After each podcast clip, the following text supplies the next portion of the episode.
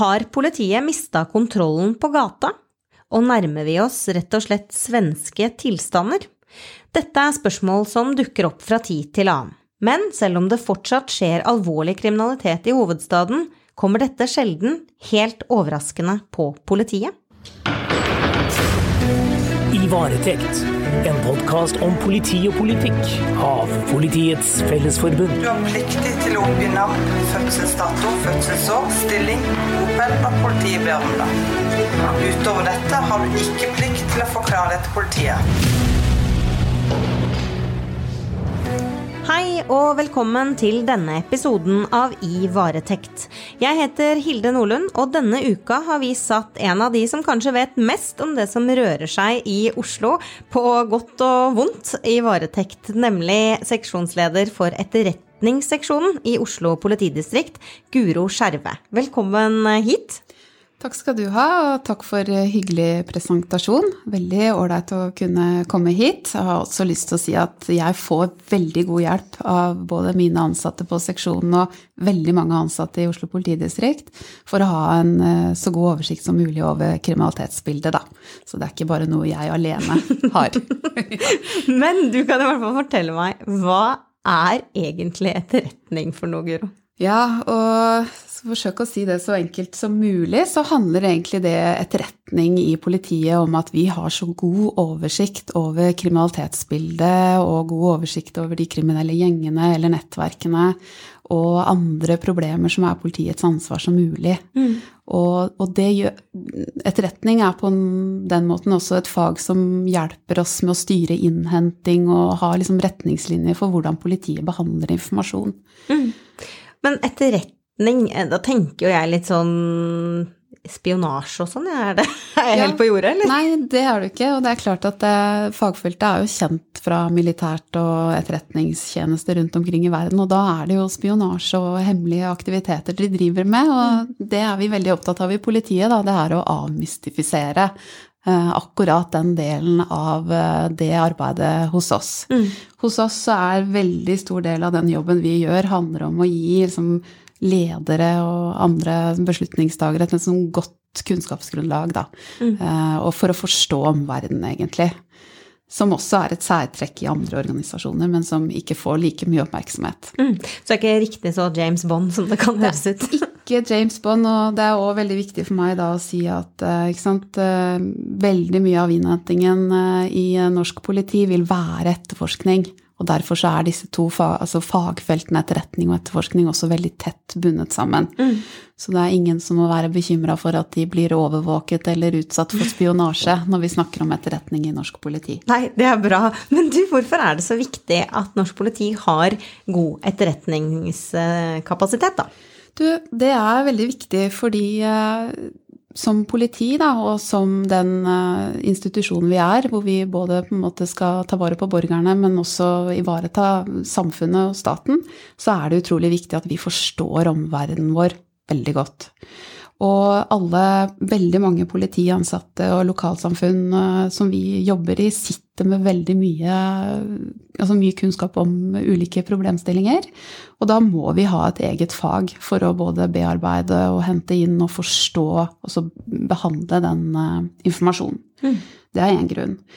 Og den andre grunnen er at altså, god styring og ledelse er en helt sånn sentral del av det å være god på kriminalitetsbekjempelse. Og det er fordi det er vi lederne som sitter og har ansvar for å gjøre ressursallokering og prioritere opp arbeidet med ulike kriminalitetsproblemer, da. Mm. Man kan ikke være overalt på en gang, på en måte? Man kan ikke være overalt på en gang, og det tror jeg nok også Det kunne jeg kjenne på selv som eh, etterforsker eller å jobbe til sånne typer prosjekter, at vi fikk innsikt i veldig mange ganske store problemstillinger som jeg tenkte Hvorfor er det ingen som bryr seg om dette litt lenger opp? Mm. Så det er liksom ambisjonsnivået vårt, at vi presenterer kriminaliteten for politilederne på en sånn måte at man må ta ansvar for det. Mm. Og så er det én siste grunn, og det er dette her med å ha god krisehåndtering. Mm. Det å ha felles situasjonsforståelse når en krise eller ekstraordinær hendelse oppstår, er helt avgjørende for at politiet skal løse oppdraget sitt. Men dere eh, innhenter jo veldig mye informasjon. Eh, hvor er det dere henter denne informasjonen fra, da? Altså, vi har jo et ambisjon om å bruke en bredde av informasjon i vårt arbeid. Vi kan hente inn informasjon fra åpne kilder, altså internett, aviser til og med. Eh, straffesakene til politiet er det veldig mye informasjon. Og så henter vi jo selvfølgelig også inn informasjon via menneskelige kilder som informanter og den type ting. Så sammenstiller vi dette, og gjerne kan vi se til forskning eller bruke liksom arbeidet til andre altså, som driver med forskning, for å forstå på en måte kriminaliteten godt. Da. Mm. For da sitter det altså folk hos dere som jobber med all denne informasjonen, og, og, og får det ned til noe konkret, rett og slett? Det gjør det. Og det, jeg har på seksjonen min analytikere som jobber med å eh, liksom sammenstille informasjon om det ene og det andre, og lage rapporter og si noe om Altså f.eks. gjengkriminaliteten. Hvordan tenker vi at den vil utvikle seg, mm. og hva må vi gjøre med den? Mm. Men all denne informasjonen som dere da får inn, da, hvordan brukes egentlig den inn i politidistriktet? Du, du snakka jo om bl.a. å prioritere, da, men, men utover det? Utover det så er det selvfølgelig at eh, det å ha god kunnskap, det bidrar til at eh, patruljene kan løse oppdragene sine bedre dersom det er miljøet vi kjenner godt. Har vi god miljøkunnskap, så kan vi også bidra inn i konkrete straffesaker. Eh, når det er skyteepisoder i miljøer vi kjenner, så kan det være kort vei til å identifisere gjerningspersoner. Så det er noe med å bidra liksom inn i allerede altså når ting har skjedd. Men også litt sånn strategisk og langsiktig kunne gi på en måte god situasjonsforståelse, sånn at politiet kan iverksette tiltak, mm. også sammen med andre. Da kan jeg nevne et eksempel med hvordan vi jobber med arbeidsmarkedskriminalitet. At eh, det å, med den informasjonen vi har, både forstå hvordan man organiserer ulike former for kriminalitet, vil også bidra til å identifisere hvem andre aktører er det som kan hjelpe oss med dette, og om det kan iverksettes andre tiltak enn polisiære tiltak, da. Mm. Men hvem er det som jobber med etterretning i politiet, da? Må man ha noen spesiell bakgrunn, f.eks.?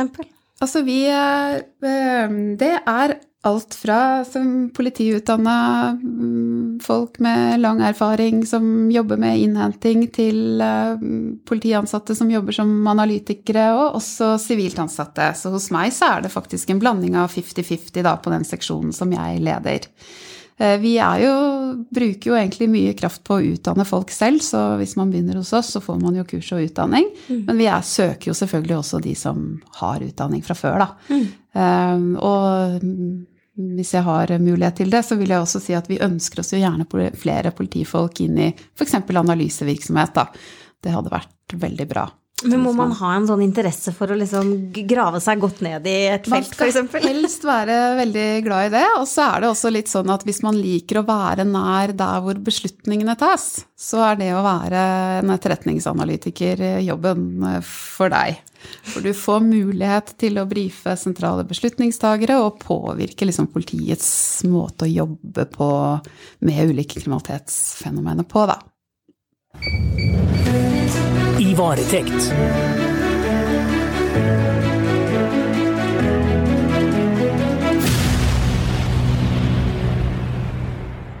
Men er det noen eh, type saker eller saksområder hvor dere bruker etterretning i politiet mer enn andre ting, kanskje? Ja. Vi har i Oslo jobbet veldig mye med kriminelle nettverk. Mm. Dette er jo et nasjonalt satsingsområde også. Og vurderingen vår der er at det er veldig viktig å ha kontroll på det også fordi at i mange av de miljøene så er det skyting i offentlig rom, og det kan ramme tredjeperson. Det er selvfølgelig også sånn at eh, de geografiske driftsenhetene har jo sine egne etterretningsseksjoner, og de jobber jo veldig bredt, noe av det mellom Altså fokuserer på ordensforstyrrelser i ulike bydeler, barn- og ungdomskriminalitet. Og så jobber vi selvfølgelig også med arbeidsmarkedskriminalitet, som jeg nevnte, og begynner også nå å se på seksuallovbruddsfeltet. Mm. Og så er jo etterretning også veldig knyttet til dette med å jobbe med de tyngste aktørene og organisert kriminalitet, og det vil det jo alltid være. Også fordi at eh, der er det ofte ingen som anmelder kriminaliteten til politiet. Vi må finne litt ut av det selv. Mm. Og så er det jo nå en valgkamp, og det medfører jo heller ikke bare positive ting for politikerne våre. Altså de mottar bl.a. trusler, sjikane, og også her så har jo etterretning en rolle. Det har vi. Eh, det er jo et nasjonalt satsingsområde, og i Oslo politidistrikt så jobber jo vi selvfølgelig sammen med andre fagfelt, men eh, måten vi jobber med dette på nå, det er jo at vi, det gis mye plass i analysearbeidet vårt.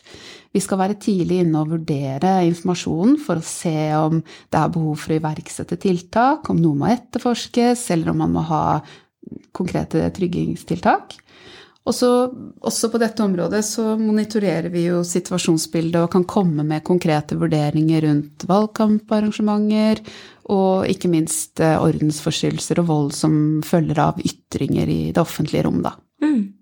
Og, og, og, du var jo også inne på dette her med å bistå patruljene. Altså, hvordan er etterretning viktig for å bistå patruljene som er på vakt i Oslos gater, da? Jo, det er jo kjempeviktig.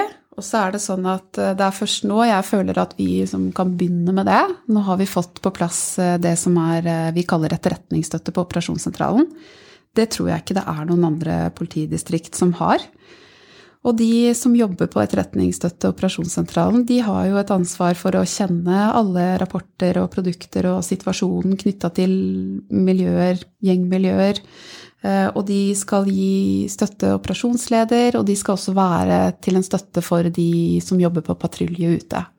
Og det kan være alt fra å gi informasjon om hvorvidt enkeltpersoner kan utgjøre en trussel, både for samfunnet rundt og patruljene, men vi har også en ambisjon om at vi kan bidra til mer proaktivt kriminalitetsbekjempende arbeid av patruljeseksjonene, da. Mm. Men altså, dere skal altså ha et så godt bilde av all kriminaliteten som eh, skjer eller kan skje i Oslo til enhver tid. Det høres jo ganske utfordrende ut?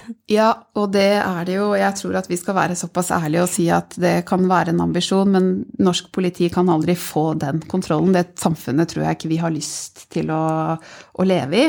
Eh, og vi er òg nødt til å gjøre våre prioriteringer.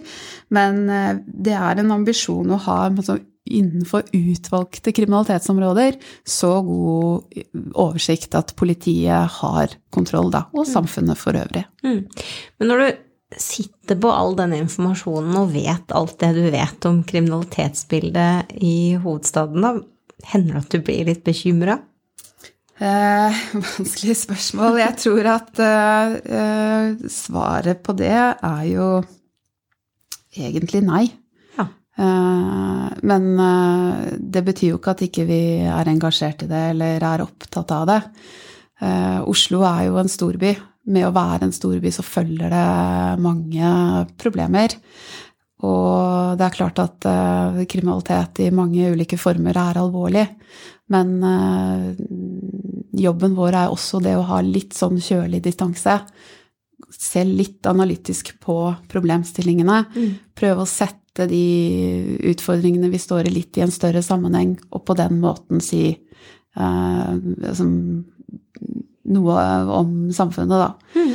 Og så langt så tror jeg vi kan si at som hovedregel er Oslo politi, altså er Oslo by, og politidistriktet er jo også større enn kun Oslo byen, eh, et trygt sted å være og bo, da. Ja, det er bra. Ja.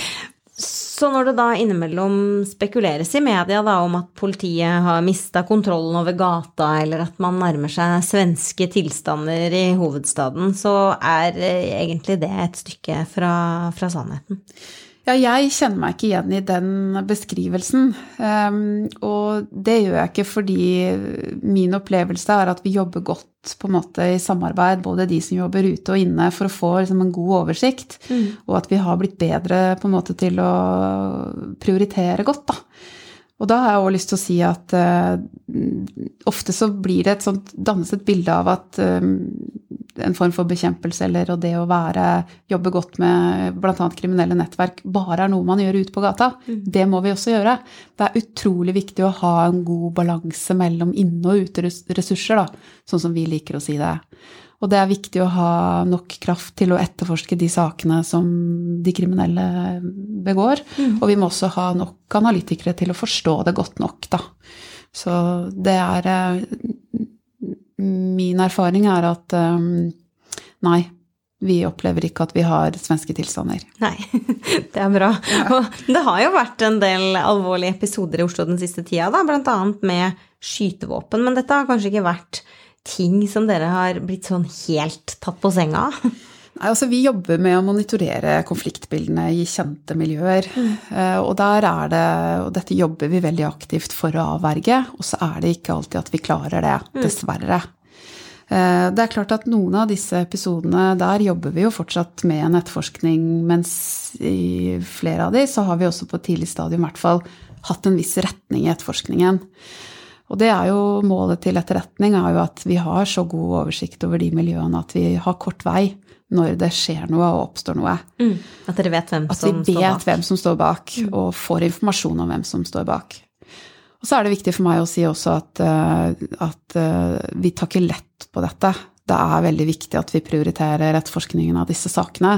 Og vi kommer til å følge den utviklingen eh, nå i tida fremover. Mm. Så, så vi er ikke Det er ikke riktig å si at vi er overrasket, men vi er jo vi ønsker jo ikke at sånne ting skal finne sted, og jobber aktivt for å forhindre det. Mm.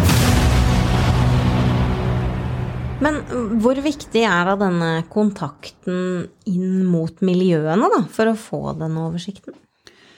Det er veldig viktig. Det er veldig viktig å ha et politi som er nært også de kriminelle miljøene. Det har jo Oslo politidistrikt satset veldig på nå. Mm. Eh, vi har innhentingsmiljøer som jobber ute på de geografiske driftsenhetene, og også der hvor jeg jobber, på Felles enhet for etterretning og etterforskning. Og vi er nødt til å ha en bredde i den innhentingen, og politiet er også nødt til å ha på en måte um, innsikt i hva de miljøene driver med. Mm. Men vi er også nødt til å være nært type andre miljøer og ha en nærhet til publikum i stort da, for å få kunnskap om kriminalitet. Men eh, det høres jo da ut som det er ekstremt viktig dette her med å være tett på, eller et lokalt forankret politi, da, som var noe av intensjonene i f.eks. nærpolitireformen. Er det det? Ja, det er veldig viktig. Det er veldig viktig å ha lokal kunnskap. Og det er litt, eh, har sagt det litt tidligere her òg, men det opplever jeg at Oslo politidistrikt har satset veldig på. Mm. Eh, vi har eh, tre etterretningsseksjoner ved de geografiske driftsenhetene våre. Og tanken bak det er jo at både man skal være nær lokalsamfunnet man jobber i, men at man også på et veldig sånn tidlig stadie skal forstå om noe er i ferd med å utvikle seg negativt. Et eksempel der er jo når det gjelder gjeng, ikke sant. At vi ønsker jo at vi jobber godt forebyggende med barn og unge. Vi ønsker å iverksette tiltak før noen blir til en gjeng som kan kalle seg Youngbloods. Mm. Og det er liksom hele prinsippet bak, da.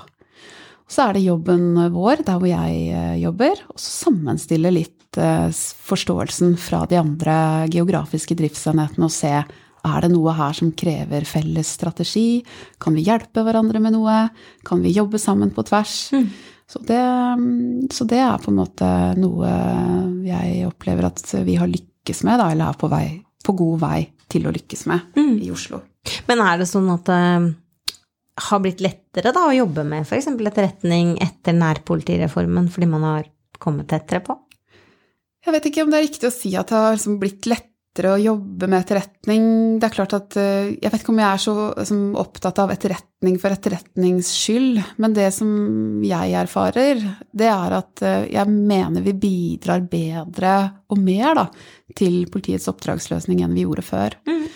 Og der er det jo Tidligere jobba jo jeg på seksjon for organisert kriminalitet og satt i ledergruppa der. Vi begynte å jobbe med gjengkriminalitet på etterretning fordi at vi mente at politidistriktet ikke var helt der hvor vi skulle være. Mm. Og bare en sånn enkel ting som at vi var, var, ikke enige internt i politidistriktet. Vi hadde ikke felles situasjonsforståelse om hva det var vi sto overfor. Nei, Om det var en gjeng eller ikke. Om det var en gjeng eller ikke, faktisk. Og det mener jeg at uh, det å satse sånn på etterretning har ført til at uh, vi har bedre felles situasjonsforståelse. Og min opplevelse er også at uh, politilederne altså på nivå over meg bryr seg mer om kriminalitetsbildet enn de gjorde før, da, for vi har fått til akkurat det der. Mm. Så, og det, det, tenker jeg er et skille før og etter reformen. Ja, og Du er jo inne på da, dette her med gjengkriminalitet, og det er jo noe man ofte hører snakk om. Altså sånn, hvordan bruker dere da f.eks. etterretning opp mot gjengkriminalitet for å redusere dette? Og det er jo både ved å, litt sånn som jeg nevnte før, ikke sant. Vi satser på dette området. Vi har sagt at uh, Oslo er en storby. Vi vil alltid ha en eller annen form for gjengkriminalitet eller kriminelle nettverk, så dette må vi satse på. Og det betyr jo at innhentingsmiljøene ute på de geografiske driftsenhetene har jo et særskilt ansvar for å følge problemene. Mm. Vi følger det med våre analytikere, både med å monitorere konfliktbildene. Eh, vi følger med på å se på sant, hvilke miljøer utgjør den største trusselen nå. ja, for det varierer litt? For det kan variere litt, mm. og bildet er veldig dynamisk. Mm. Og så jobber vi også med å bedre noe som politiet også har fått veldig kritikk for tidligere, og det er jo å prioritere de riktige straffesakene, ikke sant. Og mm. se straffesakene i sammenheng knyttet til enkeltpersoner. Eh, og det er det jo en person hos meg som også jobber eh, med, da. Ikke sant. Mm. Og det, det, er klart at det er litt annerledes. Det er ikke et gjengprosjekt. Så det som skjer, er at mange av de som på en måte kanskje tidligere jobbet veldig nært det, kanskje blir litt distansert fra det. Og det er jo noe vi lederne må jobbe mer med, da, synliggjøre resultatene. Mm. Ja, for da kan det være at man ser at denne personen, her er det en eh, konflikt på gang. Hvis vi tar ut denne personen nå og Og prioriterer opp de straffesakene mm. den personen er, er, eh, på en måte mistenkt for, da, eller er sentral i, så vil vi få denne personen på en måte ut av konfliktbildet, ikke sant. Mm. Da vil man kanskje hindre en skyteepisode, f.eks. Og så har jeg også lyst til å si da at det er jo veldig mange andre tiltak som politiet kan iverksette, som ikke er repressive, da. Ikke sant? Man kan ha dialog, man kan mm. megle, man kan på en måte jobbe forebyggende på den måten. Mm. Og, og, det betyr jo at eh, strategien er litt annerledes enn den var før, hvor man hadde et prosjekt, eller liksom, hvor man liksom satset sånn, men at vi sier at det er liksom linjeaktivitet, da. Alle har ansvaret ja. for å bidra inn. Men det viser jo litt av viktigheten med etterretning, og at man har mm. den oversikten også. At man har muligheten til å tre inn der det trengs, da? Det er kjempeviktig. Eh, og der har kanskje også Det er noe vi kan bli bedre på, egentlig, i politiet. At vi blir bedre på å forstå kriminalitetsproblemene og omgivelsene våre, og klarer å gjøre liksom både gode prioriteringer basert på type trusler eller problemer vi står overfor, men også litt sånn verdimessig for samfunnet sin del. Mm. Hva er det man opplever at politiet har en plikt til å gjøre noe med? Og så var du inne på dette her med at man har oversikt, eller deres oppgave er å ha så god oversikt som mulig over kriminalitetsbildet da, til enhver tid. Men så hender det jo at det skjer alvorlige hendelser likevel. Hva er deres rolle da? Ja, det vi sier altså hvis det skjer en krise eller ekstraordinær hendelse i Oslo, da, så har vi jo jobbet mye med det å være bedre forberedt på det siden 22.7 og Al-Noor-evalueringen. Mm. Eh, og det som er jobben til etterretning, er jo mye av det vi gjør i daglig drift. Det som skjer, er at vi etablerer oss sammen med etterforskning. Og, og får et ganske stort etterforsknings- og etterretningsapparat eh, inne på FEE, da, der hvor jeg jobber. Og jobben til etterretning er jo å sammenstille på en måte, og, prøve å svare ut hva, hva, er vi, hva er situasjonen nå? Hva er det vi står overfor? Og hvordan er det den vil utvikle seg?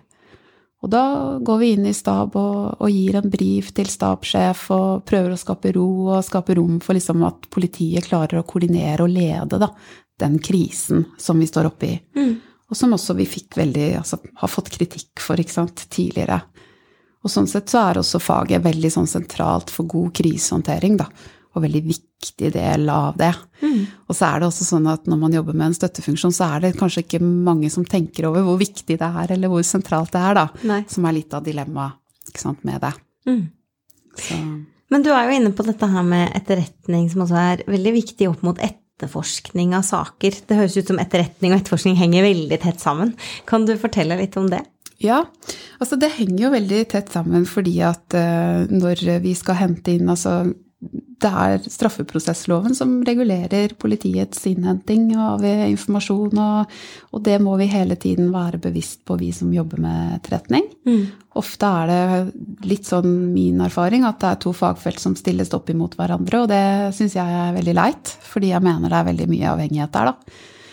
Og derfor så er det også litt sånn at for de som jobber med etterretning, så er det litt som for politifolk som jobber på patrulje. Noen ganger er det du jobber med etterforskning. Og så er det også sånn at vi er veldig opptatt av at det vi jobber med, at det skal bli noen tiltak ut av det. At politiet klarer å gjøre noe med de problemene vi beskriver. Mm. Og da er jo etterforskning et veldig sentralt tiltak da, for mm. å få til det. Ofte så tenker man jo at etterforskning det er noe som gjøres når kriminalitet har skjedd. Altså når man skal prøve å løse en straffesak. Men det høres ut som i etterretning så er etterforskerne vel så viktig for å stanse kriminalitet? Ja, så Jeg vet ikke om det er riktig å si på en måte i etterretning, men vi på etterretning noen ganger så peker jo vi på altså kriminalitet som er pågående, eller som kan finne sted. Eller f.eks. at personer er utsatt for trusler. Mm.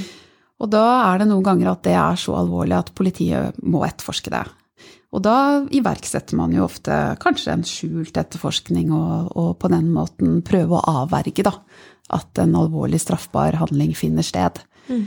Men det er ikke nødvendigvis noe vi på etterretning gjør, men det er at vi gir på en måte beslutningsstøtte til de som jobber med etterforskningen, og til lederne og sier at nå må vi gjøre noe med dette. Mm.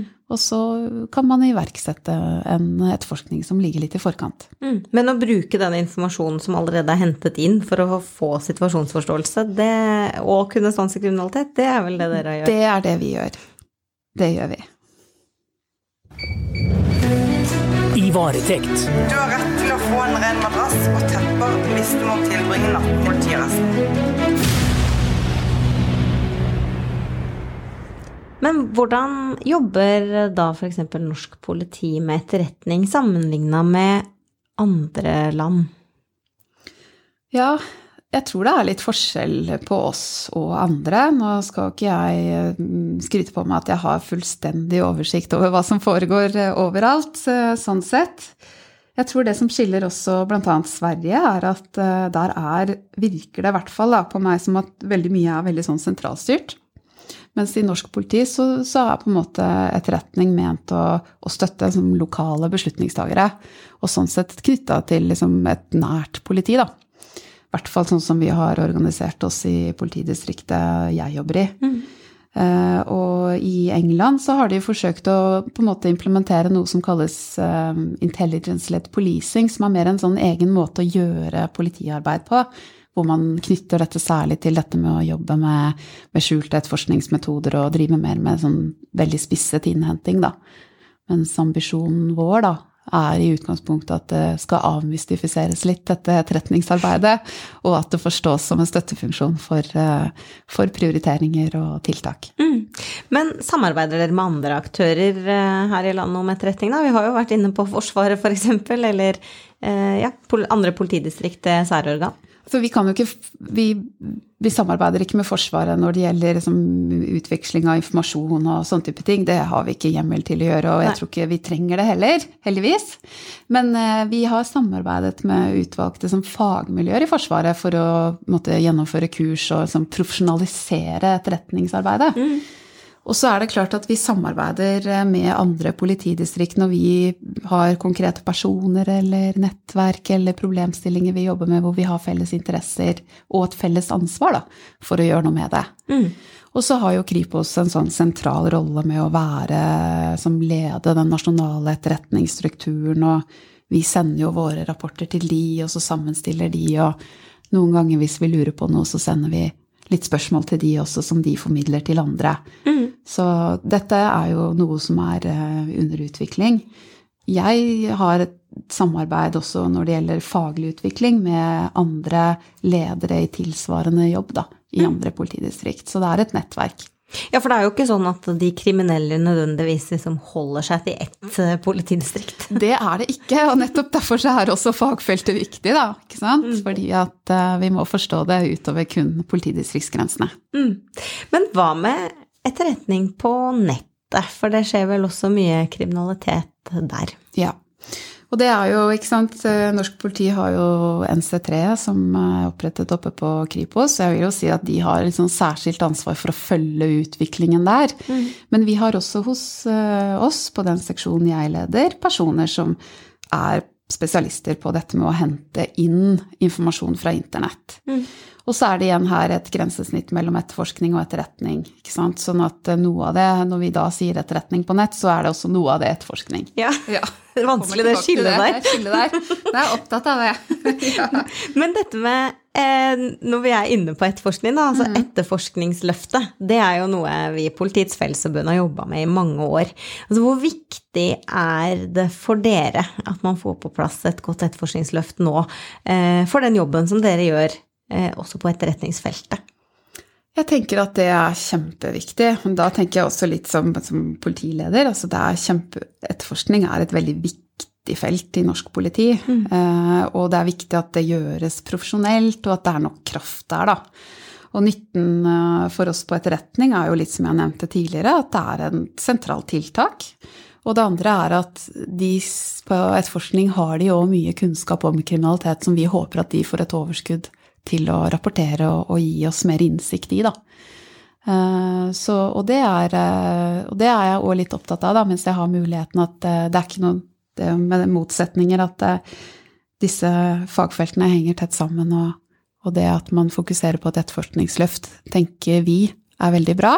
Og så tror vi det er lurt å ha en sånn helhetlig balanse mellom inne- og uteressurser, og også når det gjelder etterretning, da. Mm. Men er dere godt nok rusta i dag til å ha et eh, godt overblikk over kriminaliteten som finnes i, for din del, da, i Oslo? Ja, jeg vil si at vi er på god vei. Og så har jeg også veldig sånn fremtidstro for norsk politi. Jeg opplever at vi har en politidirektør som er veldig opptatt av å etterspørre det. Og jeg opplever også at det er veldig sånn fokus fra mine nærmeste ledere, egentlig. Som at de bryr seg i større grad om kriminalitet. Mm. Så det tror jeg vi Jeg tror vi er på god vei. Du, da er det på tide å slippe deg ut av varetekt. Takk. Og takke for at du ville komme hit og fortelle mer om etterretningsarbeidet som dere gjør i Oslo politidistrikt, og avmystifisere det litt. Ja, viktig. Tusen takk for at du kunne komme. Takk for meg. I varetekt, en podkast om politi og politikk av Politiets Fellesforbund.